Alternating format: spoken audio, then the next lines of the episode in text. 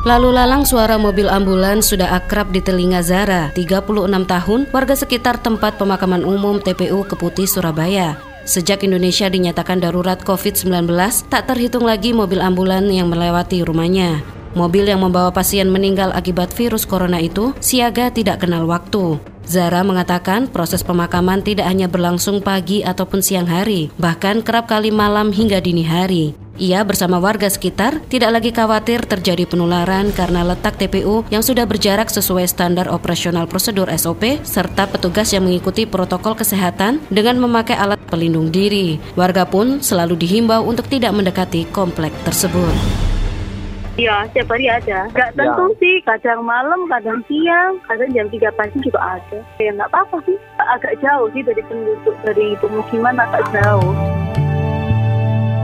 Senada dengan Zara, bagi Sapuan 50 tahun menjadi petugas pemakaman khusus COVID-19 merupakan hal yang biasa. Ia bersama puluhan temannya saling bahu-membahu agar selalu siap sepanjang waktu.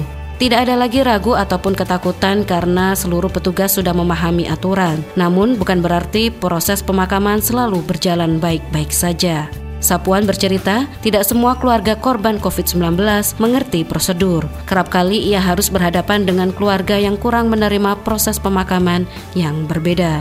Ya tergantung keluarga, keluarganya seumpamanya nyaman, ya kita juga nyaman. Kita hanya merasa melayani sepenuhnya gitu aja. Kayak seumpama warga ingin gini ya kalau bisa di di handle, kalau nggak bisa ya terserah. Kan manusia ya ada yang gini gini permintaannya ya ingin ingin anu, ya tapi ya kan belum belum tahu kemungkinan belum tahu prosedur prosedur anu kan belum tahu. Kalau sudah tahu kan oh iya ya pak ya ya monggo monggo. Kita imbo jangan dekat-dekat. Imbuannya kan 50 meter tuh. Tapi keluarga ketinggal kan kadang-kadang nggak nanu ya. yes. Sapuan hanya satu dari ribuan petugas pemakaman khusus COVID-19 di Indonesia yang harus terus memberikan layanan terbaiknya. Tidak banyak yang mau menekuni profesi seperti dirinya, namun karena rasa kemanusiaan serta niat yang tulus membuatnya pantang berkeluh kesah. Kini ia hanya berharap tidak ada lagi warga yang terpapar COVID-19 dan pandemi segera berakhir.